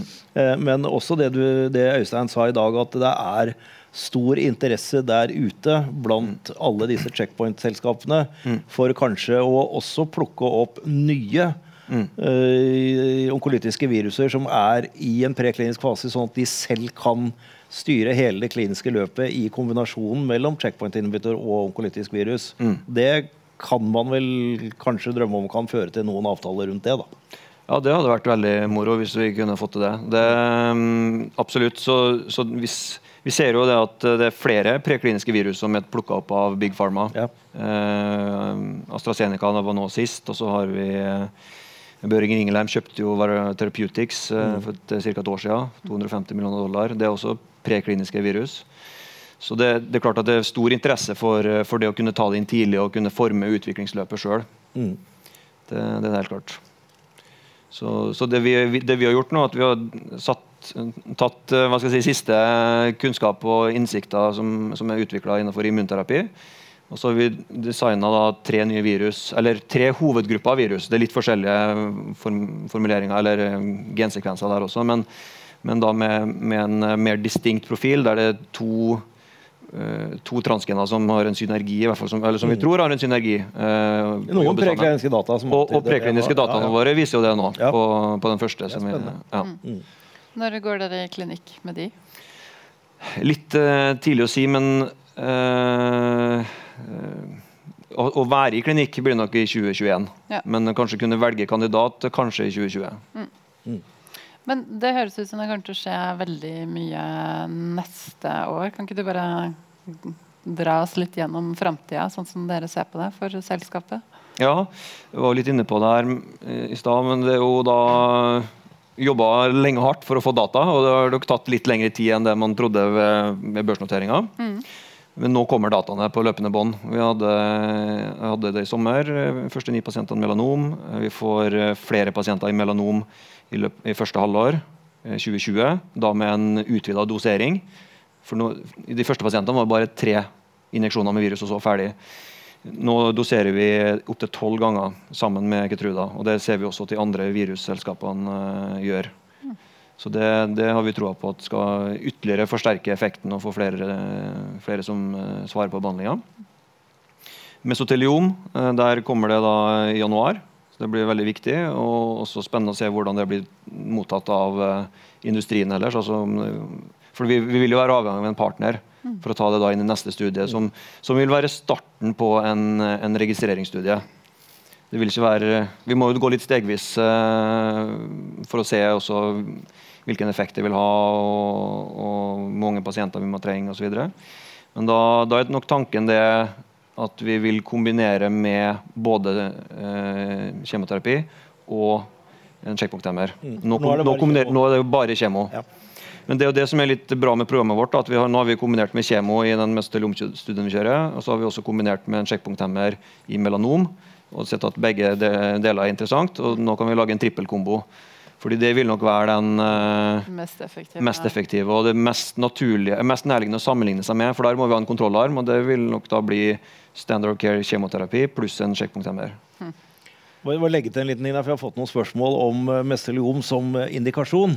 Eh, og Det er jo en, en kreftform som stort sett kommer av at man har vært utsatt for asbest. ja. eh, i, i, sin tid. Og så har jeg fått spørsmål om det, asbest har jo vært forbudt i så mange år mm. at det må jo være, bli et mindre og mindre marked. Mm. Men eh, det, nå sitter Kjetil Tasken og ser på meg, så må jeg være veldig forsiktig med hva jeg sier. Men uh, det er jo, er jo, sånn at det er, tar 40-50 år mm. før det utvikler seg. Så vi har overhodet ikke sett piken på, på, antallet med, med den, den, indikasjonen. Så dessverre så kommer det til å være flere og flere som får det, i hvert fall i en periode fremover. Og særlig i USA. Ja. Uh, og selvfølgelig også hvis vi åpner opp uh, andre nye markeder som Kina. og sånt, det har også ja. vært mye eksponering. Men det, nei, men helt klart, det er veldig lang ledetid fra eksponering til at uh, kreften må, mm. kommer til syne. Mm. Mm. Men du er jo finansdirektør, så vi må jo snakke litt finans også. Er det, dere, hva er liksom strategien? Er dere penger? Tenker dere på emisjon? Du snakket nå om en partner. Ja, altså Vi jobber jo med, med, med, flere spor, og vi er jo alltid si, aktive overfor investorer. og Arrangerer også en sånn Key Opinion Leader-dag eh, i New York eh, på fredag neste uke. Mm. Så for å følge opp på Sitsi. Um, og, og, For oss er det også viktig å bredde investorbasen og gå, gå utover uh, Norge. Eh, så, så, det er jo prosesser som, som, vi er i kontinuerlig, og så må man jo finne det når det rette tidspunktet er. Mm. Eh, vi ser jo da at pengene ikke varer evig. Men har, har dere ikke sånn pengetre? Vi rapporterer jo i dag en, en atskillig lavere bird rate. da. Ja. Uh, og dere skal ikke ha en masse nye pasienter inn i masse studier uh, i, i, i, fremtiden. Så, så det med å, å, å, si litt om altså med, er, er, dette den burn raten vi kan forvente, så kan vi regne oss frem til hvor lang tid det varer. Men er dette ca. den burn rate selskapet kommer til å ligge på, som dere rapporterte i Q3 nå? Ja, det er det nok. Ja. Jeg tror oppveksten for Cashburn var noe ganske representativ, men ja. oppveksten ble litt lavere for vi reverserte noen avsetninger. Og, ja, og men så, Cashburn vil, ja. vil ligge i det området, for da kan folk på en se på det. Og, og alle, alle, vet jo hvordan disse selskapene fungerer, og når man må hente penger eller gjøre partneravtaler i forhold til hvor lenge man har igjen. Så ja. Mm, mm. Så bra. Det høres ut som en veldig spennende tid eh, framover. Ja, nå blir det veldig veldig spennende. Ja. Absolutt. Mm. Ja, vi gleder oss til å se på dataene og snakke mer om de når de, eh, når de kommer. Ja. Ikke, ikke, bare spekulere om de, si. Ja, ja, ja. takk skal du ha. Flott. Takk. takk, takk.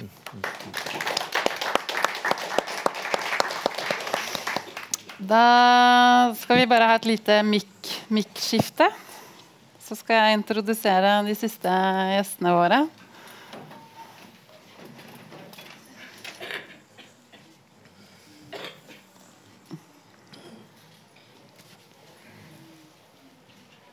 Men hvis Kari har fått på seg mikrofon, så kan jeg introdusere Kari først. Kari Grønås, eh, velkommen. Velkommen tilbake til deg òg. Jeg er litt usikker på om du har vært i podkasten eller om det var 30-årsjubileet. Det var 30-årsjubileet. Det var det, ja. ja. Vi jubilerer ja, ja. stadig. det eneste vi gjør, si. Um, jeg skal be deg å introdusere deg selv, men du har også jobbet i Photocure, ikke sant? Det har jeg. Ja. Og jeg har eh, jobbet i denne bransjen i over 30 år nå. Ja. Eh, og jeg kom fra AstraZeneca i Sverige. Og hadde veldig lyst til å være med på et tilsvarende industrieventyr i Norge. Og da var det jo naturlig å gå rett inn i Nycomen, som jeg var i mange år. Så begynte jeg mer på startups, tidligfaseprosjekter, og gikk inn i Fotokur. Og så endte jeg opp i Algeta. Mm. Og der var du en del av toppledelsen? Der var jeg toppledelsen. Ja. Mm. Var ansvarlig for, jeg var prosjektleder for Sofigo. Ja. Og hadde ansvaret for operations, som det var produksjon og supply. Alt med forskning som var relatert til det. Og, og oppbygging av eh, produksjon på GIFE. Mm. Men nå er du konsulent? Nå er jeg konsulent ja. og sitter i noen styrer. Mm. Bl.a. i Ultimovax med Jonas. Mm. Så bra. Mm. Velkommen. Takk. Og velkommen til Kjetil Taskeen. Takk. Det er lov å klappe, da, folkens. Må ikke glemme å gjøre det. Uh, og du leder da Institutt for kreftforskning, uh, men du har jo fått kong Olav hente sin uh, kreftforskningspris. Du har ledet Bioteksenteret. Du, du, du, var den første forskeren jeg intervjuet når jeg begynte å jobbe i Apollon for 20 år siden. men du, si, si, litt til. Nei, jeg, jeg er medisiner. Jeg, jeg, begynte å forske i studietiden. Det har jeg gjort siden.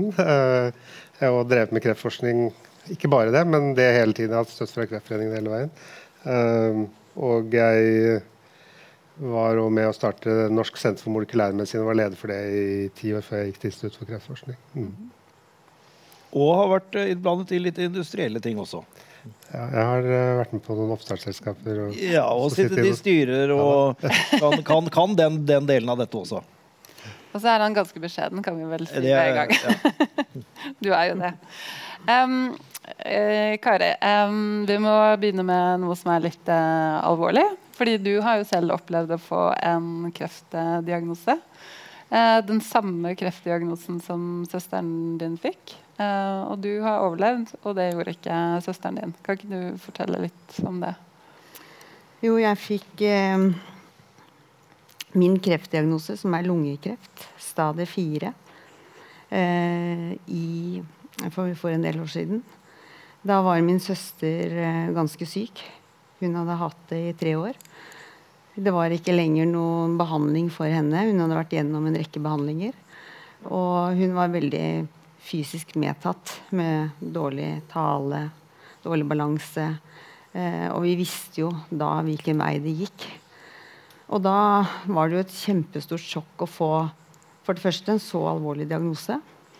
Eh, men også å vite på en måte at eh, livet ikke skulle nødvendigvis bli 95 år. Mm. Eh, og på en måte vite hva slags plager du hadde foran deg. Mm. Eh, så det var, det var, en tøff beskjed, både for, og spesielt for henne, faktisk. Mm. Og ja, så jeg Og, og nå er jeg jo, var jeg jo heldig for at jeg hadde fulgt henne hos eh, med legene. For jeg hadde vært hennes faglige talerør mot legene. Var den beste behandlingen? Utfordret de mm. eh, på det? Eh, så jeg hadde på en måte en veldig god basis for den sykdommen jeg selv fikk. Eh, samtidig så visste jeg at det var en prognose på ja, veldig dårlig. Eh, snakket med Bruland når min søster fikk det, så sier han at hun har i gjennomsnittlig seks-syv måneder igjen å leve. Mm. Um, men så hadde jeg også et fantastisk nettverk som støttet meg og brukte både nasjonale og internasjonale krefter for vi var veldig innstilt på her måtte vi gjøre noe drastisk. Eh, måtte vi gå, prøve å gå mest mulig aggressivt til verks. Eh, og så kom jeg på Radiumhospitalet og, og ble kjent med legene der. De ville ikke gå så aggressivt til verks, for det fantes persontilpasset medisinering for meg. Det hadde også min søster eh, vært med på. Men jeg kunne få være med i et uh, klinisk studie for å teste ut en annen generasjonshemmer av det hun hadde fått tidligere. Mm. Eh, og det har jo vært uh, fantastisk for meg. Mm. Og så har jeg jo senere gått over på det som nå er tredjegenerasjonshemmeren, også i klinisk studie. Og det, er, eh, det må jeg si nå, siden jeg er litt public, at jeg syns det er forferdelig trist å vite at man kan være så frisk og fungere så godt, og at denne medisinen ennå ikke er godkjent av beslutningsforbruk i norske sykehus. Mm. Uh, og dette her er syv år siden. Jeg begynte nå på kliniske studier. Jeg har ikke hatt ett liggedøgn inne på sykehus pga. lungekreft. Og jeg hadde stadig fire, som sagt, med spredning. Eh, jeg arbeider. Og jeg nyter livet, og jeg utfolder meg fysisk. Mm. Så jeg Det er eh, det er en helt fantastisk reise. Mm. Og jeg håper mange flere får den samme reisen som meg. Mm. Det gjør vi òg. Virkelig. Um, du var inne på det med Beslutningsforum, at uh, de er ganske restriktive i Norge på, på, å innføre nye medisiner. Og jeg tror på lungekreftfeltet så har de i hvert fall blitt kritisert av, av de ledende onkologene på å være ganske restriktive. Um, ser du noe lys i tunnelen? Jeg vet at du er engasjert i lungekreftpasientorganisasjonen. Jeg tror det er, mange, det er mange gode krefter for å få et mest mulig rettferdig system. Uh, og så tror jeg kanskje det også mangler av og til litt på, på kompetanse, kommunikasjon, for å få dette gjennom. Uh, både hos myndighetene eh, og kanskje noen ganger hos de som legger det fram eh, på hva som er vesentlig eh, for dette. Og så er det de, de, gode eksemplene. Det å cellegift gjør deg syk i den perioden du går på cellegift. Kanskje ikke veldig syk, men uh, redusert. Det å få noe som er like bra av den medisinen som gir mindre bivirkning, er en stor verdi for pasientene. Og nå ser vi jo at, uh, at uh, behandlingene går på å være mye mildere for pasientene, men også mye mer effektivt. Og noe er til og med kurativt. Mm. Og det er uh, helt fantastisk å kunne se. Mm. Det, er veldig, det er et veldig godt poeng du har der. fordi noe av det jeg husker best fra de siste årene med sånn Q3 og, og, eller sånn kvartalspresentasjoner, er uh, siste vi hadde med Nordic Nanovektor. Hvor uh, det var sånn snakk om, om uh, hvis betalutinen nå fungerer sånn som det kan se ut som den gjør. og så men at det, det, alltid starter i den siste linjen ikke sant? når du har vært igjennom alle de andre. Og denne pasienten sa at han eh, håpet virkelig at det fungerte, og at de kunne flytte det så langt fram i behandlingsforløpet at han slapp å gå gjennom de cellegiftkurene han hadde gjort. For det, og, og, fortalte litt rundt hva det gjorde med en pasient. Så det med den, denne livskvaliteten som du får med disse nye medisinene i forhold, det er noe vi nok ikke har regneark som uh, regner godt nok inn enda, så jeg er veldig, veldig enig med deg i det. Og jeg må bare legge til også at Hvis vi kan få kreftsykdom, alvorlig kreftsykdom til å bli en kronisk diagnose, så gjør det så mye med pasienten, både i forhold til hvordan eh, man får det i livet selv, og hvordan vi fungerer i samfunnet. Så det mener jeg er en stor samfunnsøkonomisk eh, greie. Mm. Og det regner de dessverre ikke inn, disse helseøkonomene. Nei, det har de ikke lov til. Nei. Av en eller annen grunn. Um, Kjetil, altså du, kan vi kalle det paradigmeskifte litt der vi står innenfor kreftbehandling nå? Det vi ser med både immunterapi, mer persontilpassa medisin Eller bare like mye mennesker å se at alt er et paradigmeskifte? Nei, jeg, jeg, tror, eh, jeg, tror, jo at det skjer ganske mye nå. Uh, og eh, vi, vi, har jo klassisk kreftbehandling, du snakka om cellegift, stråling, kirurgi. Så vi har 20 år med mål, det som heter målstyrt behandling. ulike stadig mer. Eh, så er vi helt i starten av immunterapi. Immunsjekkpointhemmere virker veldig bra hos noen pasienter, ikke alle med samme diagnose engang.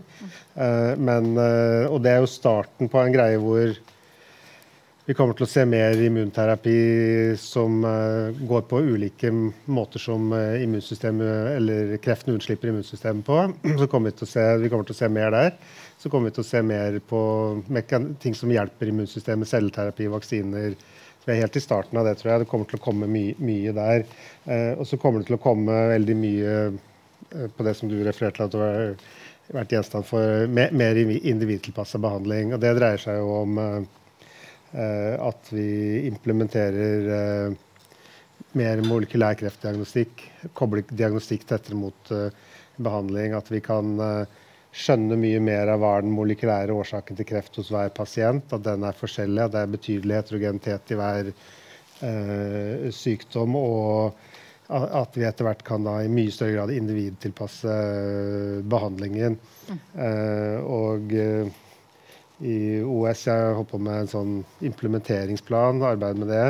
Eh, så sier vi at pasienten må få den typen kreftdiagnostikk, molekylær kreftdiagnostikk hos de hvor det kan gjøre forskjell på riktig tidspunkt i sykdommen. Vi må kunne le levere den type behandling der det er vist å gjøre en forskjell, eller der det er sannsynlig at det gjør en forskjell. Det gjelder ikke alle diagnoser og alle pasienter. Man skal ikke kaste ut alt det som er veletablert og har veldokumentert behandling, og sånn, men, men, det må komme i tillegg. Eh, må vi lære å bygge og, og, og sånn. Og vi, vi, har, vi, har, sagt for OS at ok, vi trenger en sånn diagnostisk plattform.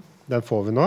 Mm. Eh, sykehuset gjør organisatoriske endringer. Helse Sør-Øst er inne og, og, finansierer en del av det. Vi trenger mer penger, men vi kommer i gang med det. Og så skal vi bruke den diagnostiske plattformen i første omgang til å uh, kunne undersøke pasienter, sånn at de kan inkluderes i studier. For i øyeblikket så mister Norge en del studier fordi vi ikke har hatt all diagnostikken vi trenger. Så skal vi bygge mer eh, studier og bygge kompetanse, og så må gradvis dette over i Uh, implementering i ordinær uh, praksis, både diagnostikken og behandlingen. Mm. Da er det en del utfordringer. Det er utfordringer om hvordan dette skal finansieres og sånn. Uh, og det dreier seg om bl.a. at beslutningsgrunnlag kommer til å se annerledes ut enn det man er vant til. Mm. For det blir mindre pasientpopulasjoner, effektdataene vil, vil være annerledes. Men det, det, er ikke løst nå. Og kliniske studier sånn vil òg være i transformasjon. De må endres. De som er der nå, er ikke optimale. Men dette er jo et system som er i, i endring. Så vi vil se ganske store endringer innen den teigen der, da, tror jeg. Mm. Det er utrolig viktig at dere nå har tatt tak i dette på, på OS. For vi var liksom nesten på et sånt vippepunkt hvor vi kom til å bli sjalta ut fra alle de som driver med den type kliniske studier. Og alle de som gjør det nå, de ønsker jo å ha en sånn molekylær diagnostikk. Det er jo fordi muligheten for at de får gode data, blir jo så mye bedre. Så det, det sier seg på en måte, sjøl. Og, og Eh, at vi nå virkelig kommer på banen og kan tilby dette i ordna former nå. Så, så her er det altså både tida og veien, og, og, ikke minst Og det er veldig fint at dere har fått det til nå og fått faktisk for første gang også bevilget noen kroner til det. Men, men det må trappes opp mye raskere tror, mener jeg da, enn det som er lagt opp til nå. Jeg, jeg tror ikke vi skal si at vi har fått til ennå, vi er i prosess. Ja, det, ja, det skjer noe i hvert fall. Ja. Eh, og så er det jo da sånn at amerikanske sykehus som er drevet av finansieringsordninger og andre sånne ting. De har holdt på med dette i ti år, de mm. fremste amerikanske sykehusene, på en del sykdommer. Uh, en del av dette ordinær klinisk praksis der. Uh, uh, offentlig finansierte helsesystemer i Nord-Europa har slitt med å implementere. Det gjelder ikke bare Norge, men det er en god del bevegelse i en del andre land òg. sånn at Norge må, vi må ha den bevegelsen nå ja. for å henge på. Er, det er helt riktig det du sier. Men, og vi er ikke i mål ennå, men vi må dytte på den ja. der, da. Mm. Eh, og det, Alle gode krefter vil det samme, men vi må klare å organisere det. og mm. sånn, og Det krever eh, offentlig finansiering, bl.a. fordi eh, industrien vil ikke betale for en diagnostikk som dreier seg om å skrine pasienter for å se om de kan inkluderes i studier. Så vi må ha en, et eller annet type public-private partnership for å få det der eh, til å rulle. Det er i hvert fall til å begynne med. Ja, for det blir jo en form for infrastruktur som gjør det attraktivt å legge studiene til Norge. Eller ikke bare attraktivt, men det er sånn vi må ha det. Mm. Så er studier en måte å komme i gang og komme videre på, men mm. vi skal jo over i ordinær klinisk praksis for en del av mm. virksomhetene. For det med studier kommer jo til å Det kan være rullerende, men det kommer ikke til å være de samme medikamentene som er mm. inne i studier nå om tre år heller, ikke sant? Men den utviklingen du snakker om, hvor, hvor fort vil man som pasient merke den? Er det snakk om en femårsperiode, en tiårsperiode? Snakker vi lengre tid? Jeg tror at om uh, fem år så er det en del ting som er annerledes. Uh, uh, om ti år er det enda mer som er annerledes. Hvor mye det, det vet jeg ikke. Men at noe, en del pasienter bør få tilbud om avansert molekylær kreftdiagnostikk nå i løpet av de neste to-tre årene. Sånn, der er det vel veldig villig og, og, og, og sånn til å dytte, da, i hvert fall. Mm. Så det er bra, tenker jeg. Mm. Det er jo det. Det er, det er, jo lyspunkt. Det kommer jo akkurat en test nå som ble godkjent eh, i Beslutningsforum, som da kan sjalte ut de 25 som ikke skal ha cellegift, som er brystkreftpasienter. Du tenker på Prosigna? Mm. Ja. Mm. Men samtidig baksiden der er jo at den har ligget i behandling i to eller to år, tror jeg. Mm. Det er jo fryktelig lang behandlingstid, for å si det mildt. Det, det med prosignatesten illustrerer jo en annen ting. Det er at det er en potensiell vinn-vinn mellom pasientnytte og helseøkonomi i presisjonsmedisin. Mm. For det innebærer jo å ikke behandle de som ikke har effekt av behandlingen av forskjellige eh, grunner. Så det er jo sånn potensiell eh, vinn-vinn der. Mm. Mm. mm. Absolutt. Er det noen spesielle ting dere i Lungekreftforeningen jobber med nå for, opp mot uh, norske myndigheter? Eller er det litt mer generelt det å dytte på det at man må ta i bruk de nye medisinene? Ja, vi jobber jo på en generell basis. Uh, det er ti behandlinger som er godkjent av EMA. Som ikke er godkjent for bruk i lungekreftpasienter. Ti stykker? Ti stykker. Den, det, det ligger alltid en oppdatert liste ut på jeg tror det heter Norsk lungekreftgruppe. Eh, og jeg var inne der for to uker siden, og da var det ti stykker.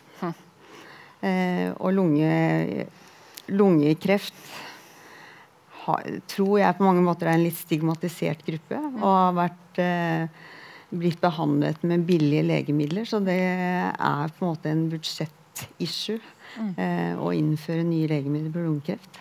Mm. Det har beveget seg en del eh, siste året. Heldigvis. Og det håper jeg bare er, eh, er en ny trend på å få en ny, bedre behandling. Mm. Eh, også på andre indikasjoner, selvfølgelig. Mm. Mm. Ja, for akkurat det, Den begrunnelsen har jeg også hørt. At nettopp fordi den standardbehandlingen i dag er billig, så kommer det inn noe som er jeg vet ikke hva det koster, blir, men i hvert fall det, det gapet der blir så stort. Mm. Og derfor på en måte blir det et sånt stort eh, økonomisk løft. Mm. Men det er jo ikke noe rasjonale når du da får noe som er så ekstremt mye bedre.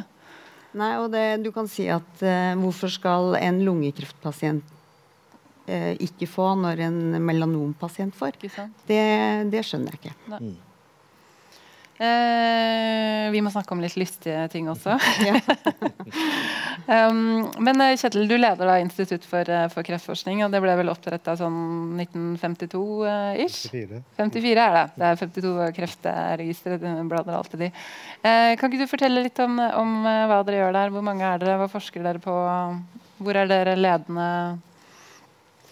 Ja, altså, nå, nå, har jeg bare vært der et halvannet år, litt over det, så jeg kan skryte av instituttet uten å skryte av meg selv. uh, det er et veldig flott sted. Det foregår veldig mye fin forskning på Institutt for uh, kreftforskning. Det er basal kreftforskning, og det er translasjonsforskning uh, særlig.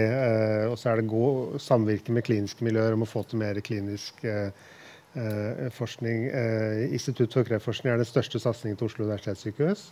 Eh, det er uvanlig at universitetssykehus har så store satsinger. Sånne institutter ligger ofte på universitetssiden. Sykehuset er stolte av oss, eh, eh, med rette, vil jeg si. Det produseres veldig mye god forskning. 350, I fjor var det 350 årsverk på sykehuset. Ansatt på sykehuset, Dere er ansatt på universitetet, så det er litt over 400 mennesker inne i det bygget hvor vi holder til, som jobber med basal og translasjonell kreftforskning. Og produseres mye god vitenskap, som sagt. Eh, og det genereres mye ekstern finansiering. Eh, over to tredjedeler av det skaffer forskeren i eksterne midler. Eh, og, og, det er sterke miljøer, basale miljøer, det er sterke miljøer på immunterapi, det er sterke miljøer på presisjonsmedisin og på det som kalles genomic medisin. Altså alt det der med å forstå molekylære årsaker til kreft, som igjen er basis for mer presisjonsmedisin osv. hos oss. For å nevne noe, da, så sterke miljøer på stråling og strålingsbiologi. Eh, vi beveger oss i retning protonterapi. Vi skal jo få et uh, senter for eh, protonterapi på mm. Radiumhospitalet når nytt klinikkbygg er oppe til 200 millioner kroner også. Altså, vi er jo inne i den uh, teigen der, beveger oss inn i den. Mm. Mm. Og dere er jo mange forskere som henter hjem mye EU-penger også. Og ikke bare henter inn EU-penger, men de henter jo inn på en måte de vanskeligste. For hvor de da på en måte får eh, penger fra, fra, EU for å gjøre veldig sånn visjonær forskning, sånn som jeg har skjønt det. Jeg tenker på Harald Stenmark, Christian Berg. Eh. Mm. Harald Stenmark har sin andre ERC Advanced Grant. Mm. Han er én av to i Norge som har fått det to ganger. Den andre er Edvard Moser. uh, uh, og uh, Christian Berg og Theo Theodossis har fått to Future Emerging Technologies-prosjekter som henger veldig høyt. De dreier seg om lys og, og proton og hvordan du skal lage ny behandling. Og de vant også en EU-pris mm. i sommer, noe som heter EU e Radar Innovation Prize for det første av de to prosjektene. Et prosjekt som heter Lumiblast. Mm. Som handler om hvordan du skal bruke lys til å få ny behandling inni hjernen, bl.a. Mm. Ja, Vi skal ha Kristian snart i podkasten for, for, å snakke mer om, om, det prosjektet. Det er kjempespennende. Eh, hvor viktig er innovasjon på instituttet? Innovasjon er viktig. Vi har jo en lang og stolt mm. historie sammen, bl.a. Eh, Radforsk. Eh, eh, og så har vel vi sagt nå ok, jeg kom som ny leder, vi skal, ha, vi skal fyre opp det mer. Vi skal, ha, vi skal, lytte til hva eierne våre vil. Og, og sånn, så vi skal ha mer translasjonsforskning, mer kontakt med klinikk. Mer fokus på innovasjon enn det kanskje har vært uh, en stund. Så det jobber vi med nå. Hva er strategien for det? Hvordan gjør vi det? Hvordan lager vi liksom mekanismer som gjør at Uh, ikke alle skal drive med det, men at en del driver med det og tenker på det og tenker på pasientnytt og sånn hver dag på jobben sin. På en måte. Mm. Mm. Jeg intervjuet akkurat uh, Johanna Olveus for uh, Invento. Hun gjør jo noe veldig spennende nå på immunterapi og utvikler noen sånne nye TCR-er også. Så det er mye, mye spennende som skjer. Um, Kari, når du ser på det man utvikler her i Norge, er, er vi, er kan vi liksom slå oss litt på brystet og si at vi er ledende på noe, eller må vi bare avfinne oss med at vi er et bitte lite land, og så kan vi bidra litt her vi kan? Det er jo helt sikkert områder hvor vi er bedre. Eh, bedre stilt til å utvikle legemidler enn andre. Mm. Men jeg tror likevel så tror jeg at uh, det munner ned i at det skal være et medisinsk behov og en veldig god idé. Ja. Mm. Og den ideen må man utvikle og ha en god strategi for. Og som også har blitt snakket om tidligere i dag, man må skjønne market access. Hvordan plassere det produktet i markedet. Og når man har det synet tidlig og kan lage en god strategi, så tror jeg at da munner egentlig legemiddelutvikling ned til kompetanse og hardt arbeid og hardt arbeid. og litt mer hardt. Og litt mer. og litt penger. Så, og jeg syns jo kanskje Algeta er et ganske godt eksempel på det. Eh, hvor det var en, eh, en eh, kjernekjemiker og Øyvind Bruland på, eller Roy Larsen da, mm. og Øyvind Bruland på, som tenkte sammen. Eh, og det er det første alfaimiterende legemiddelet som noen gang er utviklet. Eh, det var for prostatakreft som første indikasjon. Eh, men det var et helt differensiert legemiddel fra de andre teknologiene. Eh, og med det så kunne man da undersøke hvordan kan vi posisjonere det legemiddelet mot de andre konkurrerende teknologier. Og hvordan kan vi la lage det kliniske løpet for å få plassert det i markedet. Og det arbeidet som ble gjort der, det tror jeg er, eh, var ganske vesentlig for Algeta sin suksess. Mm. Eller jeg vet at det er, var det. Mm. Uh, og det, er, det, morsomme er, syns jeg, at Algeta var en sånn litt stemoderlig selskap. Det var ikke så veldig mange som trodde på dem. Eh, Tom Pike sa en gang på en konferanse i Arendal så sa han Hvem her trodde egentlig på Algeta? Jeg tror egentlig ikke det var noen. Nei. Og så klarte man det man klarte. Og det er jo veldig gøy nå at man har fremdeles mange arbeidsplasser i Bayer mm. som kjøpte Algeta. Og at Institutt for energiteknikk nå er det største tror vil jeg si, produserende senteret i Europa på radioaktive legemidler. Mm. Ja, så tenker jeg også at Den suksessen har jo gjort at man har fått Nordic Nanovektor, som også Roy Larsen og Øyvind Bruland står bak, og også mm. Onkoinvent. Så det blir jo en sånn spin-off. Uh, og mange av dere som jobbet i, i, Algeta, jobber jo nå i de andre selskapene og tar jo med den kompetansen og erfaringen mm. og øser ut av den andre steder. Så det for får jo veldig mange positive ringvirkninger. Hvem er, hvem er neste Algeta? Det tror jeg tidene må vise. Er, eh, dessverre så er vi en veldig sånn binær virksomhet hvor eh, alt faller ned på at man lykkes i de kliniske studiene. Mm, det er sant. Ja, du Svaret på det ligger, ligger veldig mye i, i, at vi nå begynner å nærme oss hvor vi får de svarene. Jo, det er jo to av våre selskaper nå som er inne i pivotale studier. Og det er som du sier, altså det er, det Resultatene der er, er svært binære. Eh, norske bioteksektoren opplevde jo Algeta og Klavis samtidig. Som er, eh, da bare, bare, fortalte den historien at sånn, hvis dataene er, er gode nok, så, så, går det veldig bra. Og, og, men det er ikke bare dataene. Det er som du sier, altså dette, skal komme inn på det nå, men vi ser at selskapene våre nå tenker market access, og hva, hva, er det legene vil bruke dette til, og hva er de villige til å gjøre for å få det, og alle disse tingene, vi, mens vi enda er i sånn fase to-studier, istedenfor å si at bare vi får et produkt som har gode data og virker mot uh, en kreftdiagnose, så er verden åpen. Sånn er det ikke. Det er, det er mye mer jobb som skal til enn det. Jeg har lyst til å legge til en liten kommentar til, til Kjetil, for jeg hadde den glede å jobbe opp mot uh, instituttet nå i snart 20 år. Uh, og det har skjedd veldig mye med holdningen til innovasjon, med dette med kultur som vi har snakket om, samarbeid, akademia, industri, alt dette, i Norge og i det systemet. Men det har ikke skjedd så mye forandring på Institutt for kreftforskning, for det var allerede en kultur. Når jeg kom dit for 20 år siden, så var det allerede en kultur for å se på dette med translasjonsforskning og det å ønske å samarbeide.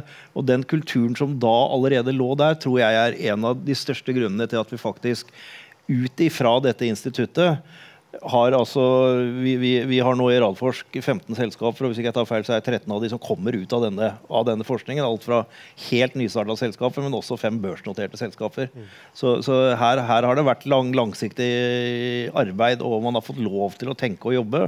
Så har det nok rett i at det kanskje trengtes en ny boost i, i denne tankegangen nå. Så det, det, at det skjer nå og de signalene, litt sånn proaktive signalene også med dette med, med, med molekylær uh, diagnostikk og bygge opp en plattform rundt det. Selge genterapienhet, om vi kan få til, om vi klarer å få til. Det er en litt sånn mer fuktig drøm, men, men, men det har vært veldig morsomt å få til. Uh, og når vi kommer også med sånne ideer som den, så blir vi møtt veldig positivt av OS og, og instituttet. Så, så er, vi ligger nok litt litt foran sånn sett når det gjelder mindset og kultur. akkurat innen dette, og det, det, er det vi må bruke til å spre utover nå inn i Life Science-bygget. Mm. Så skal vi passe på å sitte ytterst på stolen. og Hvis de andre løper, så skal vi løpe hele tiden. Og... Det er veldig bra. Ja, det, det, er litt uh, viktig. Og nå kommer det jo nytt sykehus også på, på Radiumhospitalet. Det må jeg si jeg er veldig glad i. For det var jo noen ganger det var nesten litt flaut å gå inn døra på Innovasjonsparken, som du åpna da i 2015, Jonas. Og også inn til dere ja. forskerne som ble åpna i 2009, var det vel. Mm. Og så på en måte går du bort på Radiumhospitalet, og så, som jeg husker svigermoren min sa, da, du, du måtte jo snu, snu lappen på, på dodøra for å si at du var opptatt. For du mm. kunne ikke låse der. Så det, ja. så det er veldig fint å se, og med nytt protonsenter og, og alt. Har du, noe, har du noe Vi begynner å gå inn for landing. Har du noe Avsluttende Nei, kommentarer? Ikke noe annet enn det å, å, få med både historien din fra, fra Algeta og den pionervirksomheten som ble, som ble gjort der, og, og blant annet det, og det var du som sto bak, vet jeg, og tørre å satse på å bygge denne fabrikken ute på Kjeller, og ikke i Tyskland. Og satse på Institutt for energiteknikk, som uh, Eva, som jobber hos oss, jo var, var, var svært sentral i også. Og så ha instituttet og, og, og ildsjeler som Jan Vincent Johansen, som, som, eh, liksom lot folk få lov til. Og Det opplevde jo jeg når jeg kom dit. for jeg, når jeg begynte i Radforsk, så spurte jeg liksom, hva vil du jeg skal gjøre. Ja, det får du finne ut av sjæl. Til meg. Og det, det, bare ikke gjør noe gærent, så er det greit. Litt gærent kan du gjøre, men ikke for mye. Så den litt sånn fremoverlente tankegangen den tror jeg er, er viktig. og Det til sammen, så det er ikke så mange år siden det var snakk om å legge ned Radiumhospitalet, og, og, ikke engang fikk lov til å bruke navnet Radiumhospitalet lenger. Det er ikke så lenge siden vi hadde den fighten. Og da fram til at vi nå er et comprehensive cancer center, akkreditert europeisk, det, er, det henger høyt. Mm. Uh, og da er innovasjonen viktig. Uh, for, for, å beholde den også. Og da når vi da får ferdig noen nye byggetrinn som vi leker noen tanker rundt uh, nå for Innovasjonsparken, får klinikkbygget og får uh, protonsenteret, da er, dette her et kraftsenter. I, I, hvert fall i Norden og, og også i Europa, tror jeg, med, med, alt det vi har fått til der. Så det er, det er masse moro igjen. Mm. Og jeg tenker sånn Når vi bygger kraftsenter, så må nesten myndighetene følge på og begynne å kjøpe inn litt også. Tror du ikke det? Jo, det hadde jo vært en fordel om man hadde gjort det. Det vi jobber med nå, når det gjelder Comprehensive Cancer Center, er at vi skal reakkrediteres i 2023. Jonas. Ja, nettopp. Eh, og det er alt det som må skje før det, sånn at vi er uh, i posisjon til det. på en måte. Mm. Så vi holder liksom uh, Gjør de nødvendige organisatoriske endringene og, og er uh, Ja. Og det fordel, fordelen med det altså, er sikkert litt sånn ikke har interesse for alle, men dette med Comprehensive Cancer Center er viktig, for det har mye med rekruttering å gjøre. Eh, også av, av, internasjonale både forskere og, og, andre. Og så har det med det å gjøre at det, det, er ikke bare sånn at de går inn og ser at her er alt i orden, eh, og dere får denne, denne labelen. Men de sa veldig tydelig at dere må gjøre organisatoriske endringer, og dere må satse på ting for å få og beholde den. Så det er faktisk en god hjelp i det også for dere når dere skal organisere det videre. Ja, Du får noen stretch goals, som det heter. Ja. Mål å strekke deg etter. Mm. Jeg tror Comprehensive Cancer Center eller OS Kreftsenter har vært veldig bra for OS. Det, det er en matriseorganisasjon som samler uh, på tvers i ulike klinikker og ulike deler av virksomheten. Mm. De som jobber med kreftpasienter, har et eget styre for det. Uh, uh, og det setter veldig fokus på det fagområdet og hvordan OS skal jobbe med det. Det tror mm. jeg er har vært veldig bra, eh, er veldig bra og bør fortsette å være det. Hvis vi jobber mot de strekkmålene, eller stretch goals. Ja. Og da er jo dette å smelte sammen også, for onkologi er ikke bare kirurgi, stråling og kjemo lenger. Mm. Det er immunologi som smelter sammen med onkologien og blir til immunonkologi. Og så kommer alt med, med AI og, og, alt det som nå gjøres innen molekylær diagnostikk og molekylær patologi, mm. som vi må være med på hvis vi skal henge med. Ja, Neste uke så er det en sånn e-helsekonferanse. Der skal ikke vi, for vi skjønner jo ikke sånne ting. Men vi, hele Oslo Kanskløster skal dit. Kjetil Widberg sender vi. Han, han, han, han, er vår mann på sånne ting, ja, ja. som ikke vi er sånne teknologiske ting. Eh, tusen takk eh, for at dere kom. Det var veldig, veldig hyggelig å ha dere med og snakke med dere. Eh, tusen takk til publikum som, eh, som også kom. Eh, da er vi ferdig med nummer 100. Men vi skal ha masse podkaster eh, fram til jul. Neste live skal vi faktisk ha på DNB Healthcare. Da skal vi ha en samsending med deres podkast som heter Utbytte. Vi er jo ikke helt der, da. På utbyttesiden, mener jeg. Nei, det, det, er jo Fotokur. da. Fotokur har faktisk betalt ja. et utbytte en gang. Det, må, det, det må sies. så jeg tenker det kan bli en sånn fin eh, ja. Vi utfyller hverandre i hvert fall med de. Vi kan bruke penga, så kan de Ja, noe sånt noe. Men uh, da ses vi i hvert fall der. Så takk for oss.